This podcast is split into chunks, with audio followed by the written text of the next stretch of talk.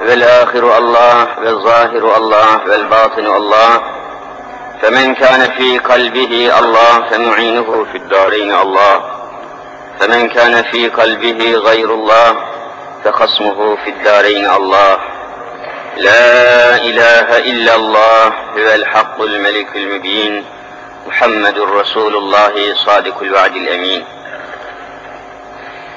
Aziz müminler, muhterem Müslümanlar, geçen derslerimizde müminlerin, Müslümanların yakından ilgilenmesi gereken ve devamlı olarak da sorulan, cevabı aranan bir mesele etrafında İslami açıklamaları yapmaya devam ediyorduk. Meselemiz hatırlarınızda olacağı gibi yeryüzünde çeşitli zamanlarda ve mekanlarda hiçbir peygamberin tebliğatına, dini davetlerine ulaşmamış, dinden, imandan, İslam'dan hiçbir haber alamamış, tamamen İslam dışı bir dünyada, anadan babadan gördüğü bir alemde yetişen bir insan. Dünyanın bazı bölgelerinde, bazı tenha yerlerinde bu türlü çevrelerde yetişen, büluğa eren ve böylece yaşadığı hayatı, ömrünü doldurup vefat eden insanların mahşer günü nasıl hesaba çekileceğiyle tamamen İslami çevrede ezanın okunduğu, Kur'an'ın okunduğu, Müslümanların kaynaştığı, dolaştığı bir çevrede, Müslümanlar arasında yetişen bir insanın mahşer günü nasıl hesaba çekileceği ve nasıl onlara muamele edileceği mevzu ve meselesiydi. Hatırımızda kalması gereken bir şey daha var. Her zaman ve her vesileyle söylediğimiz gibi insanın yaratılış gayesi Allah'a ibadettir. İnsan bir tek gaye için yaratılmıştır. O da Allahu Azimüşşan'ı tanıması ve ona kulluk etmesidir. Bunun dışında bulunan bütün çalışmalar, hareketler tamamen o gayeyi desteklemesi gereken davranışlardır. Asıl gaye ve maksat ve hedef Allah'a kul olmaktır. Onun dışında zenginlik, fakirlik, amirlik, memurluk, büyüklük, küçüklük, siyahlık, beyazlık bu gayeye kesinlikle perde olamaz. Bu davayı, bu maksadı engelleyemez. Engellemesi halinde gayet tabidir ki büyük bir mesuliyet ve büyük bir vebal ortaya çıkacaktır. Bu münasebetle Cenab-ı Hak madem ki insanları kendisine kulluk etsinler diye, Hazreti Allah'ı tanısınlar diye, ona ibadet etsinler diye yaratmıştır. Kendisini tanıtmak için bir zemin hazırlamıştır. Allahu Teala Celle Celaluhu kendisini tanıtmak için sayısız işaretler, alametler, eserler, sanatlar ve belirli usuller ortaya koymuştur. Allahu Teala'yı tanımak için, onun kudretini anlamak için, onun vahdetini, onun rahmetini, onun hikmetini anlamak için fazla bir mesaiye ihtiyaç yoktur. Fazla bir gayrete de lüzum yoktur. İnsana verilen akıl, insanlara verilen akıl cihazıyla bir hamlede, bir işaretle yeryüzündeki alametlerden, işaretlerden Allahu Azimüşşan'ın varlığını ve birliğini anlaması mümkün olacaktır. insanlara verilen cüz'i bir akıl bile, basit bir akıl bile yeryüzünde Allah'ın varlığını, bütün mahlukatın onun yarattığı şeyler olduğunu, Allah olmadan hiçbir şeyin meydana gelmesi mümkün olmadığını bu akılla anlayacak bir çapta, anlayacak bir durumda yaratılmış insan. Bunun dışında Allahu Azimüşşan'a nasıl ibadet edileceği hususunda da Allah'a nasıl iman edeceğiz? Allahu Azimüşşan'ın sıfatları nelerdir? Ona nasıl kulluk edeceğiz? Allah ile kul arasındaki münasebetler, ibadetler, usuller, şekiller, yalvarışlar, dualar nasıl olacak? Allah ile kul arasında mutlaka peygamberler dediğimiz aleyhisselam Allah'ın sevdiği ve seçtiği insanlar bulunacak. Onlar öğretecekler, onların öğrettiği şekilde insanlar da Allah'a kulluk edecekler. Hiç kimse kendi kafasından Allah'a ibadet tarzı ortaya koyamaz. Peygamber aleyhisselam nasıl göstermişse, nasıl anlatmışsa, nasıl tebliğ etmişse, nasıl talim etmişse, ibadet o suretle olacak. Mesela alimlerimiz misal olsun diye söylemişlerdir. Namazlardan sonra çektiğimiz tesbihler mesela, tesbih çekiyoruz. 33 defa Sübhanallah, 33 defa Elhamdülillah, 33 defa da Allahu Ekber. Bu tesbihler bizzat Hazreti Muhammed aleyhissalatü vesselam Efendimiz'den bize kadar aynıyla gelmiş ve talim edilmiş, öğretilmiş şekliyle gelmiştir. Müslüman ibadet mevzuunda bu çerçeveye uygun hareket edecek. Bundan dolayıdır ki bu tesbihlerin hakikaten ibadet olabilmesi için o ölçülere, o adetlere, o şekillere, çerçeveye uymak icap. Bir adam kendi yani 33 olmasın da 35 olsun diye 33 defa değil de 35 defa Sübhanallah dese peygamberin talimatına uymadığı için o zikir sayılmaz, boş söz sayılır. Ölçü burada. Peygamberin öğrettiği ölçü. 33 olacak. 33 olmasın da 30 olsun deyiverse, bu da yine sünnete ve peygamber talimine, peygamberin ölçüsüne uymadığı sebebiyle yine zikir sayılamaz, sünnet olamaz ve burada bu ölçülerden aşıldığı için istenen netice hasıl olamaz. Bunlar bütün mevzularda aynı misali çoğaltabilirsiniz peygamber olarak. Mesela günde beş vakit namaz. Bu namazların farzları var, vacipleri, sünnetleri var. Bunları yine Hazreti Peygamber aleyhissalatü vesselam talim etmiş, telkin etmiş, tatbik etmiş. Bizzat imamlık yapmış, cemaate öğretmiş ve o günden bugüne kadar yeryüzü Müslümanları bu ibadet zincirin namaz halkasını, namaz zincirini koparmadan gelmişler. Ve artık bunu kimse değiştiremez. Kimse bunu bozamaz, çoğaltamaz, azaltamaz. Mesela bir zamanlar bir takım serseri adamlar meydana gelmişti. Efendim günde beş vakit namaz fazla, bunu üç vakte indirelim şeklinde bir takım böyle düşünceler ortaya atılmıştı. Gayet tabi yeryüzü Müslümanları bunlara iltifat edecek değillerdi. Sönüp gittiler hepsi, kahroldular. Allah'ın azabına müstahak oldular.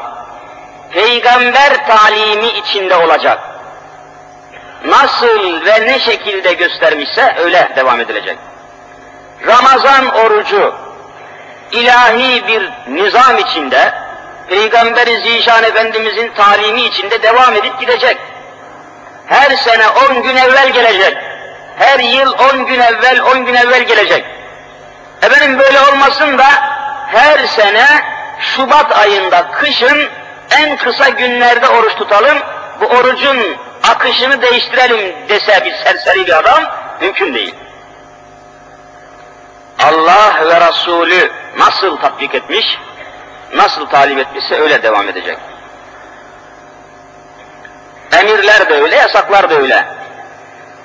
Allah ve Resulünün yasak ettiği şeyi bütün bir dünya bir araya gelse de o yasağı kaldırmaya kalkışsa muteber olamaz, mümkün olamaz. Çünkü dinin vazığı, dinin esasını ortaya koyan Hazreti Allah Celle Celaluhu ve Hazreti Peygamber de aleyhisselam bunun tatbikatını ve talimatını yapmıştır.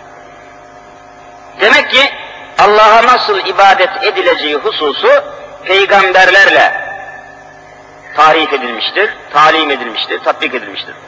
Hiçbir peygambere kavuşmamış, hiçbir peygamberden haber alamamış, haberi olmamış, Allah'ın gönderdiği kitaplardan hiçbirisine mülaki olamamış, dünyanın bir tenha köşesinde doğmuş, yaşamış, ölmüş, yahut kafir bir idarenin, mesela bir komünizm esaretinde, komünist zindanlarda, zulümler altında yetişmiş ve sonra da ecel gelip adamı almış gitmiş ve buna benzer çeşitli haller ve durumlarda vefat etmiş insanlar huzuru mahşerde Allah'ın huzurunda hesap gününde İslam alimlerimizin bahusus Hanefi alimlerinin ortaya koyduğu görüş, hüküm, iştihat şu, Cenab-ı Hak bunlardan ibadet zincirini sormayacak.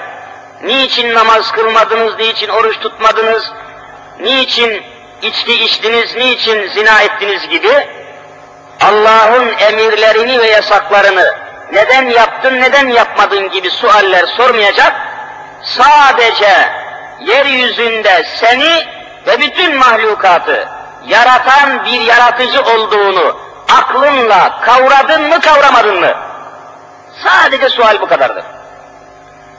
Bu eşya, bu kainat, bu mahlukat bir kudret, vahidül ehad olan, bir olan, kadir mutlak olan bir Allah'ın yaratmasıyla olması gerektiğini, Allah olmadan eşyanın, mahlukatın vücuda gelemeyeceğini, bu denizlerin, bu göllerin, bu güneşin, bu çayırın, bu çimenin, bu çiçeğin, bu tabiatın, bu bir resim gibi, bir tablo resmi gibi serilen bu manzaranın bir yapıcısı, bir sanatkarı, bir ustası vardır diye bir kudret sahibini tanıdın mı tanımadın mı? Tanıdıysa cennetlik olacaktır. Başka sual sorulmayacaktır. Şafii mezhebine göre, İmam Eş'ari'ye göre, daha da geniş bir çerçeve içinde düşünerek, bu kişilerden ibadet sorulmadığı veya sorulmayacağı gibi, ibadet zinciri hususu sorulmadığı gibi, iman esasları da Allah'a inanıp inanmaması da sorulmayacak. Cenab-ı Hak onları ehli necat sayacaktır diyorlar. Kur'an'daki ayete verilen mana üzerinde geniş izahlar ve tefsirler yapmışlar. وَمَا كُنَّا مُعَذِّب۪ينَ hatta neb'ase rasûlâ. Bir peygamber göndermedikçe, bir peygamberin tebliğatı olmadan, bir peygamberin talimatı olmadan, bir peygamberin irşadı, izahı olmadan, bir peygamberin terbiyesine girmeden kimseye ceza vermek ve kimseye azap etmek benim şanımdan değildir diyor Hazreti Allah. Bu ayet-i kerimeden doğuyor bütün meseleler. Şimdi bu noktayı böylece izah ettikten sonra bir başka noktaya geliyoruz. O da şu. Peygamber-i Zişanımızın bugünkü dünyamızı bahsedelim. Hazreti Muhammed Mustafa aleyhissalatu vesselamın ismini duymuş. Muhammed diye birisi gelmiş. Bunu duymuş. Bugünkü dünya insanları için konuşuyoruz. Böyle bir isim işitmiş Muhammed diye biri geldi. Ancak bu peygamber zişanı menfi, olumsuz şekilde işitmiş. Olumsuz. Şimdi Avrupa'da, Hristiyan dünyadaki insanların da durumu bu. Hindistan'da Hinduların da durumu bu. Japonya'daki insanların da durumu bu. Bir ölçüde yayınlardan, gazetelerden, radyolardan, şuradan buradan veya çeşitli vasıtalardan Hazreti Muhammed'i işitmiş aleyhissalatü vesselam. Yalnız olumsuz, onu bir peygamber olarak değil, akıllı, zeki, kurnaz bir Arap, bir adam gibi işitmiş. Yahut rastgele birisi olarak işitmiş. Yahut şu anda Avrupa'da kilisenin ve papazların devamlı telkine çalıştığı gibi, evet Hazreti Muhammed bir peygamberdir ama yalnız Arapların ve Arabistan'ın peygamberidir diye işitmiş. Bize ne ondan? Bizi ilgilendirmez demişler. Bizim peygamberimiz Hazreti Muhammed değil Hazreti İsa'dır filan demişler. Yani peygamber bu ismi işitmiş ama olumsuz, menfi işitmiş. Aleyhinde sıfatlarla du duymuş. Hakkıyla o peygamberi duymamış, anlamamış. Kur'an-ı Kerim'in tanıttığı gibi tanıyamamış. Bir de böyle bir durum var. Şu anda Hristiyan dünya bu ölçüler içerisinde kabul ediyorlar. Evet diyorlar belki çok çeşitli gruplar var peygamberlik hakkında. Bir kere Avrupa'da öyle bir zümre, öyle bir sınıf var ki ne Allah kabul ediyor ne peygamber kabul ediyor. Dinsiz bir grup var. Hiçbir dine inanmıyor. İkinci bir grup var. Hazreti Muhammed'i hiç peygamber kabul etmiyor. Bir Arap filozofudur diyor. Arap filozofu. Filozof. Yani kendi kafasından bir şeyler ortaya koymuş.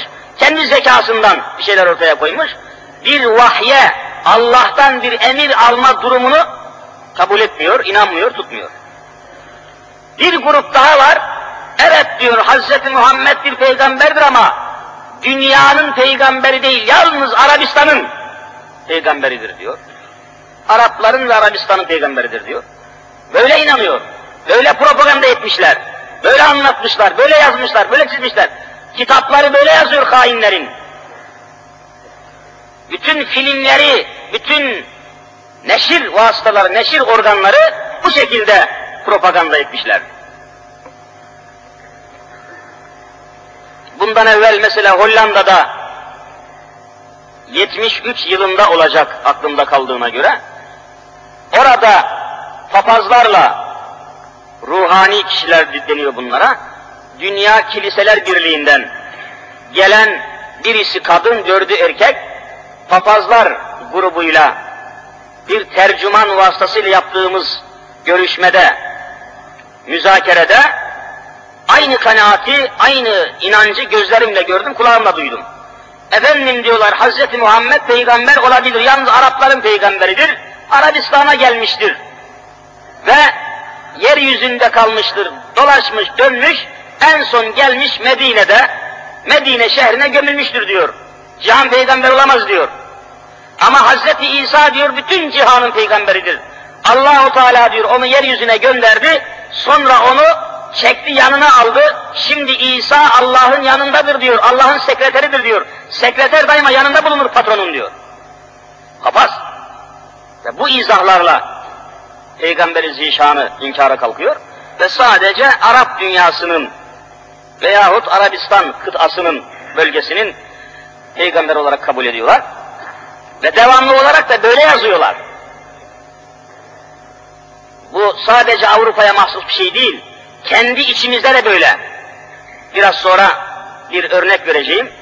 Bizzat İstanbul Üniversitesi'nde senelerden beri öğretim görevlisi olan senelerden beri profesörlük yapan bir kişi aynen Türkiye'de İstanbul'da çıkan bir gazetede İstanbul'da çıkan ve halen çıkmaya devam eden bir gazetede aynen şunları yazıyordu. Yazı elimde benim. Aynen şunları yazıyordu. Her mahallede Kur'an kursları, İmam Hatip okulları açıyoruz diye başlamış. Bugün Türkiye'de müsbet eğitim yapan okullardan çok orta çağ kafalar yetiştiren, yobazlar yetiştiren bu müesseseler çoğalıyor. Şeklinde yobaz diyor, orta çağ diyor. Yani bugün bunlar olmaz diyor, kökten reddediyor yani adam. Kabul etmiyor. Ve devamında şöyle söylemiş.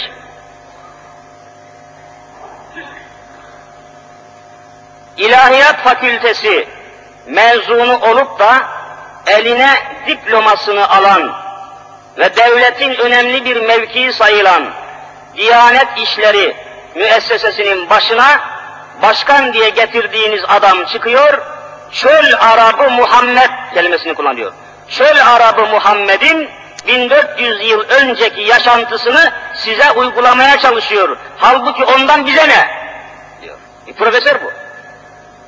Ve yıllarca öğretim görevlisi olarak çalışmış bir adam. Yani bir Fransız kafirinden, bir İtalyan papazından da alçak bir adam bu.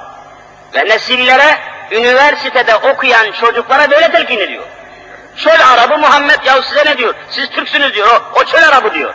Haşa, sümme haşa. E, telkinler bu. Bir de bu gibi telkinler altında kalanlar var peygamberi hakkıyla tanıyamayanlar var. Bunların hükmü olacak? Hani böylece yetişmiş, böyle duymuş, böyle işitmiş, böyle okumuş, böyle inanmış, böyle görmüş ve böylece ölmüş. Bir de bu gibi insanlar var. Bunlar da yarın mahşere geldiği zaman ne olacak? Nasıl hüküm verilecek? Bunlar hakkında ilahi hüküm nasıl tecelli edecek? Bu da bir problem olmuş. Bugün Hristiyan dünyası aynı şekilde devamlı olarak İslam'ın aleyhine, Müslümanların aleyhine propaganda yapıyor. Devamlı olarak. Mütemadiyen neşriyat vasıtalarında, kitaplarında, bilhassa misyoner teşkilatlarıyla, yani kendi inançlarını yaymak için kurdukları teşkilatlarda, Hazreti Peygamberi ve Kur'an-ı Kerim'i devamlı kötülemektedirler. Avrupa'da yetişen nesil bu neşriyata göre şekilleniyor, yönlendiriliyor, şartlandırılıyor. Bugün siz de hepimiz açıkça görmekteyiz ki Hristiyan dünya ve Yahudi dünya, Yahudiler dünyası, Hristiyanlar dünyası bütünüyle, tamamıyla İslam'a ve Müslümanlara karşıdır. Bunun başka bir izahı yok zaten bugünkü yeryüzündeki Hristiyan milletler tümüyle ve tamamıyla İslam'a karşıdır. Bunun aksini iddia edecek bir adam varsa kellemi koymaya hazırım. Gerek tarihi hakikatler, gerekse günümüzdeki hakikatler aslında. İşte en son ve en bariz, en açık örneğini zalim, Hristiyan, Katolik, kafir Fransa'nın Müslüman Türkiye'ye, Müslümanlara karşı takındığı tavrı görüyorsunuz. En son hadiseyi diyorum. Sırayla bir sürü cinayetler, en sonunda bir din görevlisi, rahmetli, Allah ruhlarını şad etsin, bir din görevlisi kardeşimizi ve bir de hariciye görevlisi, ataşe diye görev yapan bir görevlimizi katleden zalim, katil, kafir Ermenilerin karşısında Fransa'nın ki bütünüyle Hristiyandır Fransa. Tümüyle Hristiyandır. Katolik mezhebine sahiptirler. Bütünüyle Hristiyan olan Ermenileri desteklemişler, Müslüman olan Türkleri adam yerine koymamışlardır. Hepiniz şahitsiniz. Kıbrıs meselesinde Kıbrıs meselesinde Fransa bütün gücüyle Yunanistan'ı desteklemiştir. Amerika tamamıyla Yunanistan'ı desteklemiştir. Çünkü Hristiyandırlar. İstedikleri kadar gizlesinler gerçekleri. Kimse yuturamazlar. Efendim şöyleymiş böyleymiş falanmış. Hayır. Tek değişmez bir ölçü vardır. Sen Müslüman kaldığın müddetçe ben Müslümanım dediğin müddetçe şu minareleri, camileri, ezanları, Kur'anları ortadan kaldırmadığı müddetçe sana Müslüman gözüyle bakıyor. Onlar da Hristiyan olduğu müddetçe seni hiçbir davra tutmayacaklardır.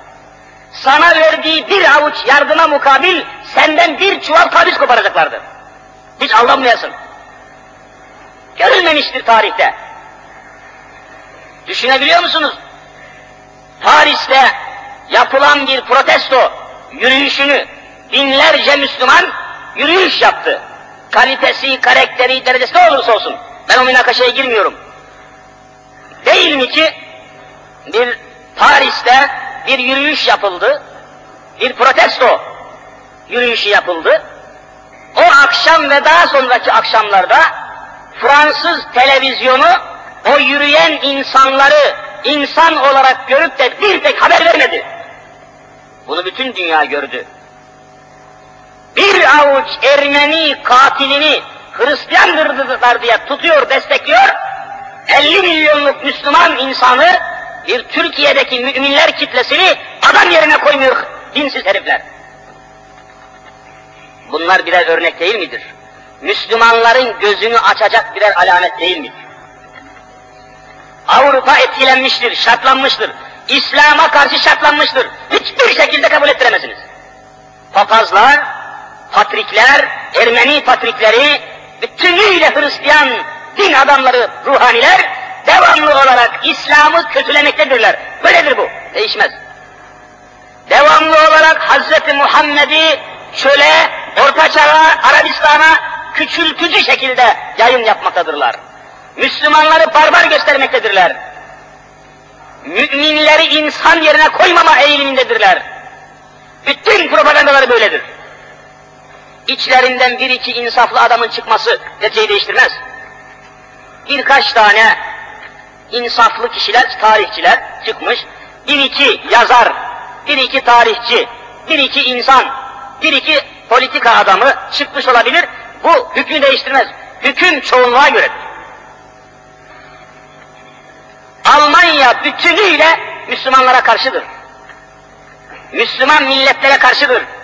E canım bugün işçi mişçi menfaat senin en genç yaşta en sıhhatli, en sağlıklı vatan evlatlarının canını, enerjisini, emeğini sömürüyor, çalıştırıyor. O sevdiğinden değil ki. Neticede Müslümanlara karşı tavrını ifade etmez bu. Hiçbir zaman ifade etmez. Değil mi ki vize koydu? Yeryüzünde herkes Almanya'ya vize almadan gidebilir. Fakat Türkiye'den giden bir Müslüman insan Almanya'ya vize almadan giremez. Resmen ayrıcalık yapmışlar. Yeryüzü milletleri arasında yalnız Türklere vize koymuşlardır Almanlar. Fransızlar da öyle, Hollandalılar da öyle. Bütün bunlar, ki bunlar sadece çok basit ve günümüzdeki şeylerdir. Tarihin en derin köklerinden bugüne kadar hiçbirisinin tavrı değişmemiştir. Sebebi de toptan İslam'ı reddetmedikten sonra seni kabul etmemektedir. Seni hiçbir zaman tutmamaktadır. Sen ne kadar onları tutarsan tut, değişmez. Onların adetlerini, onların geleneklerini, onların örflerini, onların kültürlerini, onların yaşama tarzlarını, onların eğlencelerini, yılbaşı gecelerini, faşinklerini, festivallerini, defilelerini, artistlerini, filmleri ne kadar senelerce biliyorsunuz Napolyon'un aşkı diye film oynadı. Napolyon'un aşkı, aşkı, aşkı. İstediğin kadar onları kendine örnek al, istediğin kadar tut, istediğin kadar onlara özen, onları tak. Hiçbir zaman onlar seni tutmayacaklar. Görülmemiştir zaten. Bu sadece bizim aleyhimize olacaktır. Bizim dilimize, bizim dinimize, bizim örfümüze, bizim şahsiyetimize, bizim karakterimize olan oluyor. Onlara bir şey olmuyor. Biz devamlı olarak törpüleniyoruz.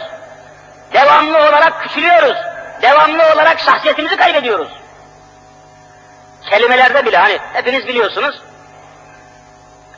Sırf onlara, o Fransız dediğimiz İslam düşmanı insanlara, Ve yeryüzünde Müslümanlara düşman olan insanlara, Müslümanım diyen insanlar özeniyor. Onlara benzemeye çalışıyor. Evvelce biliyorsunuz bir iyilik gören insan, kendisine iyilik yapan insana, kendisine faydalı olan bir insana söz ile, kelime ile mukabele ederken teşekkür ederim derdi. Teşekkür ederim kelimesini kullanırdı. Fransızlara ve Fransız kültürüne göre yetişen, onlara benzemeye, onlar gibi olmaya, onlar gibi davranmaya çalışan sefil bir nesil meydana geldi.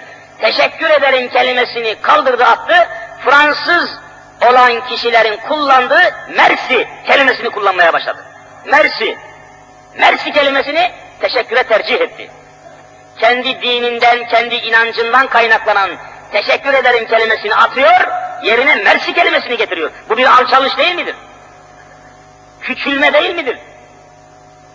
Evvelce Müslümanların gidip tıraş olduğu insanlara berber denirdi. Berber, tarihi bir kelime, milli bir kelime, Müslümanların kullandığı bir kelime. Bir de bakıyorsunuz yetişen nesil alçalmış, küçülmüş, kişiliğini kaybetmiş. Yabancı kültürün tesiriyle kahrolmuş, ölmüş gitmiş insanlar berber kelimesini kaldırıyor, kuaför kelimesini getiriyor. Kuaför. Fransızca bir kelime bu. Niçin küçülüyorsun kardeşim? Neden bu Hristiyan dünyanın karşısında niçin küçülüyorsun? Berber kelimesini kaldırıp atıp da kuaför kelimesini niçin alıyorsun?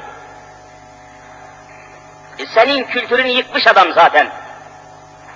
Senin dilini, senin inancını, senin kişiliğini, senin şahsiyetini, milli bütünlüğünü parçalamış.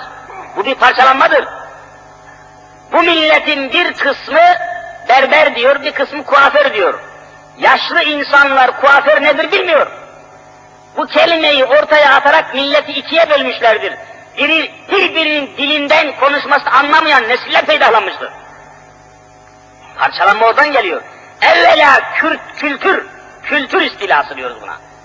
Kültür istilasıyla seni istila ediyor, seni kendisine benzetiyor, seni küçültüyor, senin değerini, tarihi kıymetini, dininden, dilinden, lisanından, insanından gelen kıymetleri alıyor, ondan sonra seni tutmuyor artık. Tutmuyor. Bugün kadınların dudaklarına sürdüğü o boyanın adını biliyorsunuz, kıpkırmızı, kıpkızıl bir boya vardır, dudaklarına sürüyor kadınlar. Müslümanların kadınları bunlar. O boyanın adı Fransızcadır. R-U-J, ruj kelimesi. Fransızca bir kelimedir. Sen onun hayatına girdin, onu taklit ettin, ona özendin, onu büyük gördün, kendini küçük gördün. Elbette seni adam yerine koymayacaktır. Ruj kelimesi. Ruj kelimesi Fransızca kızıl demek. Kırmızı ve kızıl kelimesinin karşılığı. Ruj. Bugün Müslümanların hanımları dudaklarını sürüp geziyorlar bunları. Niye? Bir mecburiyet mi var? Bir kanuni baskı mı var? Dudaklarınızı boyayacaksınız diye kanuni, askeri bir baskı mı var? Yok. Niçin özeniyorsunuz? Bugün Müslümanların kadınlarının, Müslüman diyorum, evet Müslüman diyorum çünkü kendisi bu sıfattan başka bir şey kabul etmiyor. Açık saçık dolaşan bir kadına, her tarafı bir Fransız yosması gibi cilalı, boyalı bir kadına, sen Müslüman değilsin, sen gavursun desen, yüzünü gözünü parçalayacak gibi gayrete geliyor. Ben Müslümanım diyor. Yani İslam'ı kimseye vermiyorlar dinsiz desen, sen gavursun filan dediğin zaman kıyameti koparıyor. Ben Müslümanım diyor. Ama ne hale gelmiştir? Müslümanların kadınlarının tırnaklarına sürdükleri oje, oje yine Fransızca bir kelimedir. Oje. Bütün tırnaklarına cila çekip gezmektedir. Bir buçuk santim uzatıyor tırnağını zavallı kadın. Bir santim, bir buçuk santim uzatıyor. İşte el parmaklarına pedikür diyor, ayak parmaklarına menikür diyor. Pedikür, menikür, özel aletler, özel gayretler, özel cilalar, özel boyalar Fransa'dan getiriliyor, döviz ödüyoruz, milyonlarca para veriliyor. Bu cilalar, bu boyalar geliyor. Bir buçuk santim bayan hanımefendi tırnağını uzatıyor, üzerine bir cilayı çekiyor, bir araba kaportası bir cilalanıp çıkıyor ortaya. Ve buna medeniyet diyor, çağdaş insan diyor. Sen Fransız'ı taklit ediyorsun, kendi kültürünü, kendi dinini değil ki. E hocam bunun ne zararı var?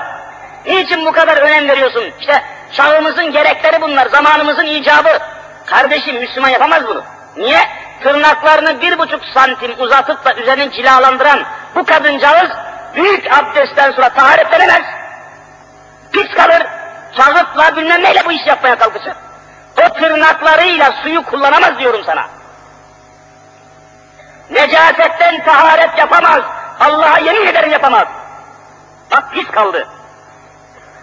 Tırnaklarının üzerinde oje bulunduğu müddetçe gusül abdesti alsa, tırnaklarına suyun değmemesinden dolayı, tırnağa suyun isabetini önlediğinden dolayı, İslam gusül adabına göre, boy abdesti kaidesine göre, tırnaklara suyun değmesi lazım.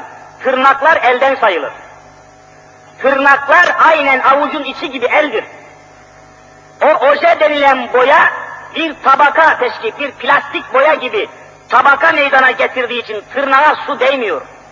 Tırnağa su isabet etmiyor. Bu cilalı tırnaklarıyla banyoya giren ve böylece gusül abdesti alıp çıkan bir kadın İslam'a göre cünüptür, gusül abdesti sahih değildir kitaplarda. Pis bırakıyor. Onun için söylüyoruz yani.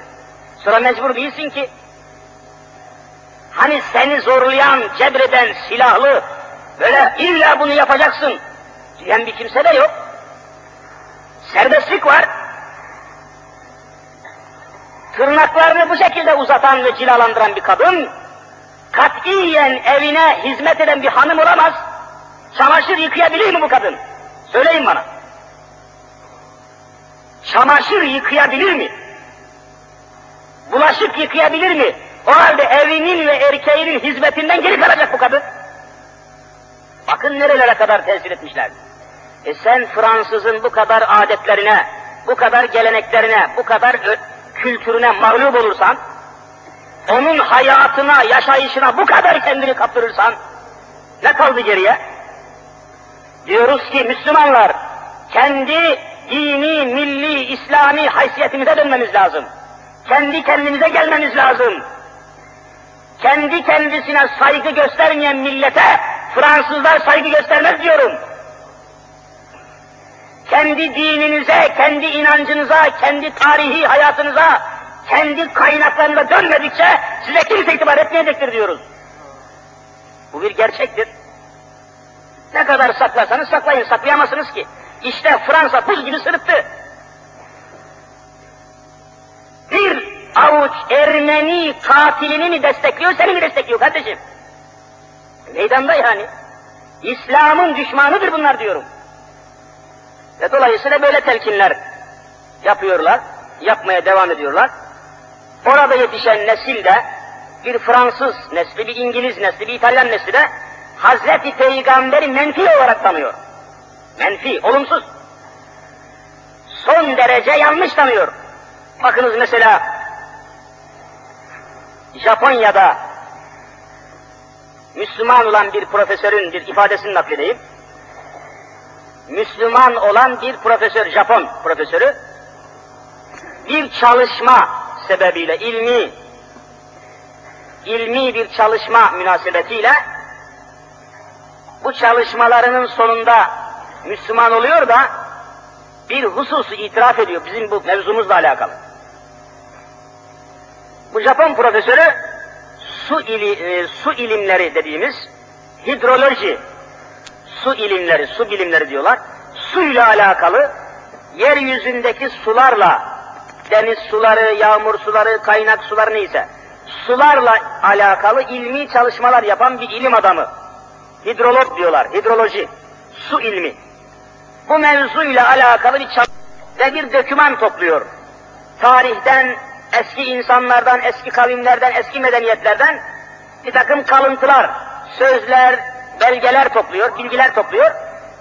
Mesela Japon filozoflarından, Çin filozoflarından, Yunan filozoflarından vesairelerden bilgiler topluyor eski kaynaklardan.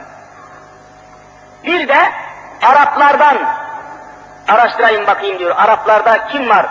Su ile alakalı insanların kullandığı su ile alakalı Araplardan söz söyleyen kimler var?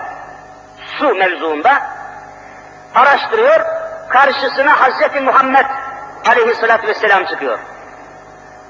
Ve Allah Resulü'nün içtiğiniz sularla alakalı hadis şeriflerini topluyor. Bu profesör diyor ki ben bu Hazreti Muhammed deyince Arapların filozofu kabul ediyordum diyor. Bir filozof olarak görüyordum. Çok zeki, akıllı, bilgili, çok kültürlü bir adam olarak duymuş işitmiştim. Peygamber olarak değil de bir filozof olarak tanıyordum. Bakalım bu Arapların filozofu olan Muhammed ne söylemiş su hakkında diye aradım. En sonunda öğrendim ki diyor o Allah'ın bir peygamberiymiş diyor. Araştırmaya başlarken bir filozof diye giriyor. Bu kanaati veren Avrupalılardır.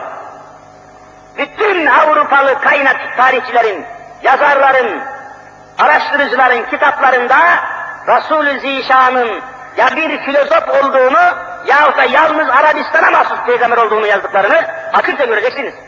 Cephe almışlardır. Karşı çıkmışlardır. Dünya insanları etkilemişlerdir. Tabi bunları söylerken kendimizi de ayıplamadan geçemeyeceğiz. Müslüman milletlerin en büyük zafiyetidir bu. Müslümanlar demek ki dinlerine karşı lakayıp kalmışlardır. Müslüman insanlar, Müslüman milletler kendi dinlerini, kendi inançlarını, kendi peygamberlerini yeryüzü insanlara anlatamamışlardır. Tebliğatı kesmişlerdir, İslam'ı yayma faaliyeti durdurmuşlardır, çalışmamışlardır. Bu da ayrı bir sefalettir. Bu konuya da başka bir derste devam edeceğiz. Bizim de yeryüzü insanlarının Hazreti Peygamber Zişan'ı aynıyla tanıyamamasının, tanımamasının sebeplerinden birisinin de bizim ihmalimizin ve ihanetimizin geldiğini göreceğiz.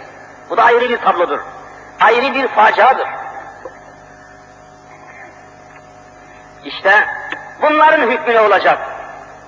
Aziz müminler, bu hususta hani peygamberin adını işitmiş ama sıfatlarını yanlış duymuş, bir peygamberin adından haberi olmuş ama onun hakkında yanlış şeyler işitmiş, menfi şeyler işitmiş, dolayısıyla bir tesirin altında kalmış, okuduğu kitaplarla Hazreti Peygamber'i bir filozof olarak tanımış, Allah'ın peygamberi değil de bir filozof olarak tanımış ve böylece yaşayıp ölmüş gitmiş bir sürü adam var. Hristiyanlardan var, Yahudilerden var, daha başka insanlar var. Bunların hesabı, mahşer günü bunların muhasebesi nasıl olacak? Bu konuya, bu mevzuya parmak basan büyük alim İmam Gazali Hazretleridir. Rahmetullahi aleyh. İmam Gazali Hazretleri bu konuda şöyle bir görüş ortaya koyuyor. Kendi düşüncesini, kendi hükmünü belirtiyor. Diyor ki, insanlar bir peygamberin adını, sıfatlarını, vazifesini işitme hususunda üç gruptur diyor Gazali. Üç grup insanlar.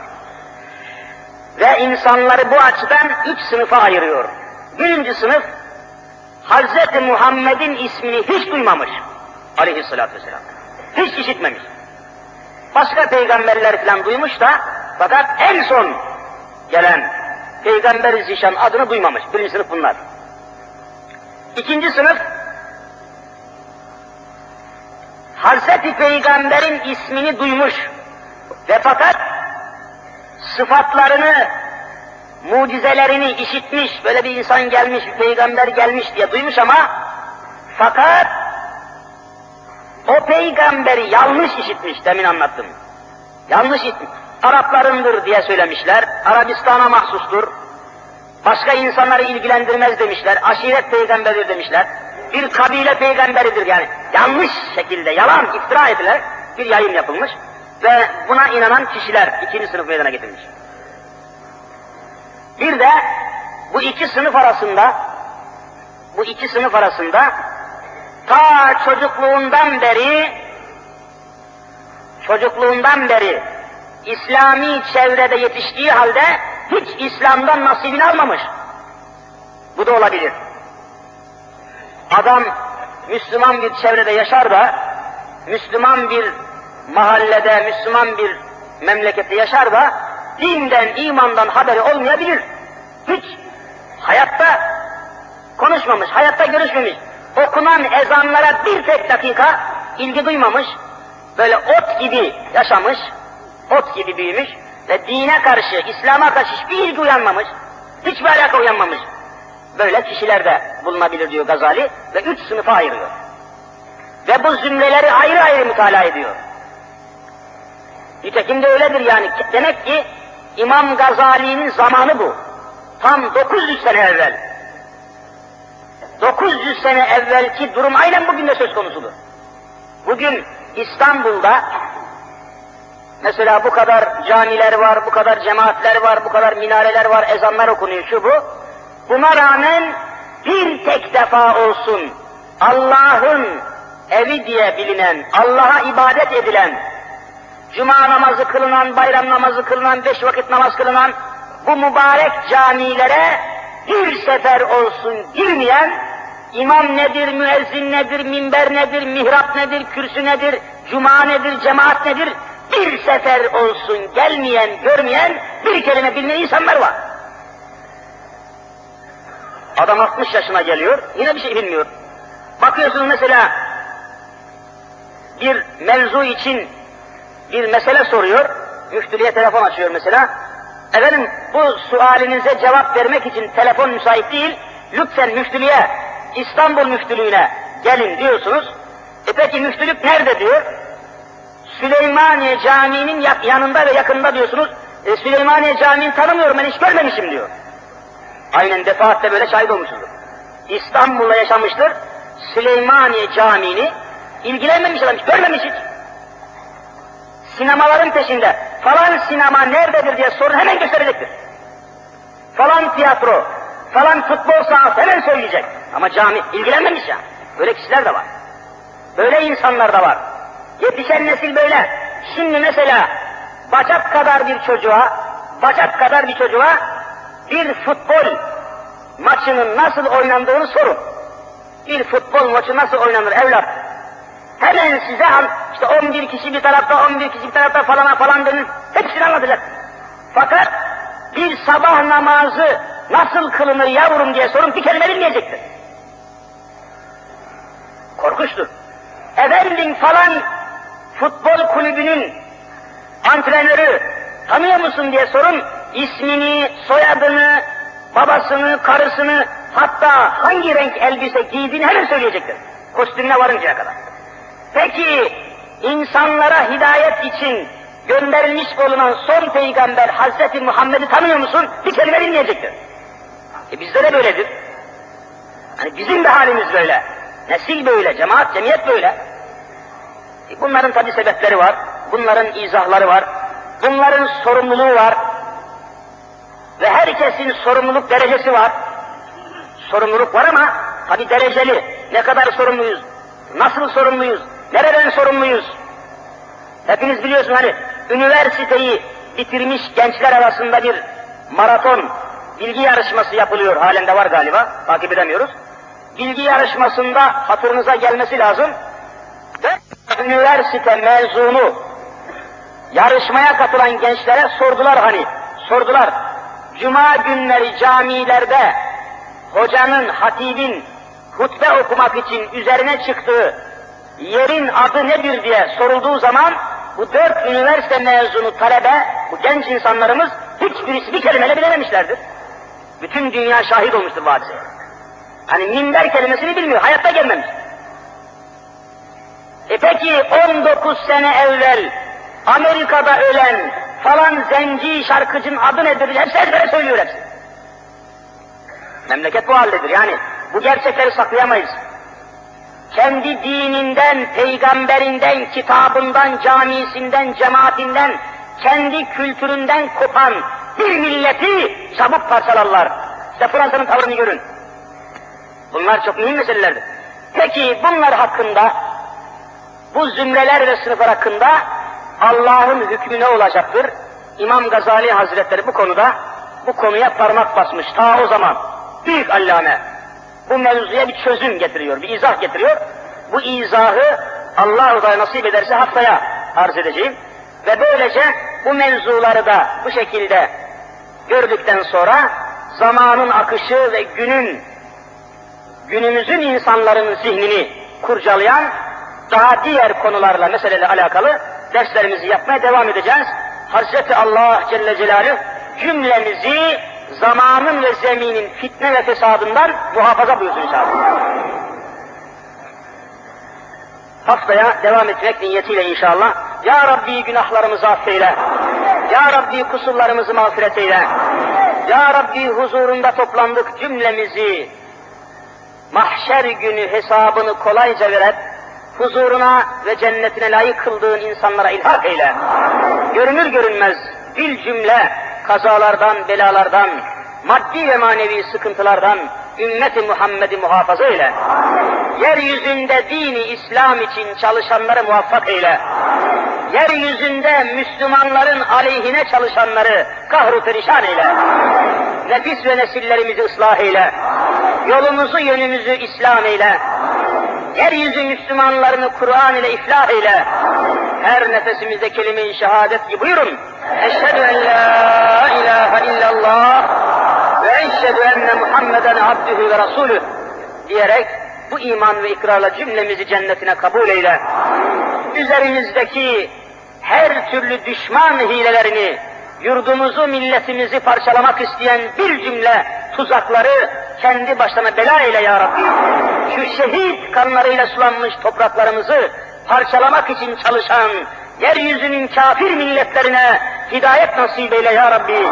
Hidayet nasip olmayacaklarsa bir plana düşürerek hepsini imha eyle ya Rabbi. Elasip amin diyen kardeşlerimi uzaktan yakından burada cem olan toplanan müminleri iki cihanda aziz eyle ya Rabbi. Mahusus Müslüman cemaatimizden dua talebinde bulunan ve hastaları bulunan, dertlileri bulunan bir cümle Müslüman kardeşlerimin hastalarına şifalar ihsan eyle ya Rabbi. Dertli olanlara devalar lütfeyle ya Rabbi. Borçlar içinde kıvrananlara edalar nasip eyle ya Rabbi.